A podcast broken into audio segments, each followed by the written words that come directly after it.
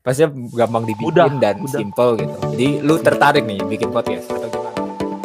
Sekarang ceritanya melalui podcast. Jadi lebih lega, lebih lega. When Can I See You Again itu menggambarkan podcast ini gitu. Welcome to the real world. It sucks, but you gonna love it. Ini jokes dari podcast podcast kemarin.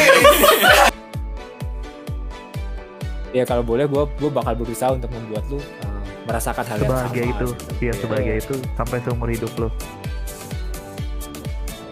Kalau saran gua sih, mereka denger podcast kita ya. Hanya jembatan biar bisa ngobrol sama kalian gitu.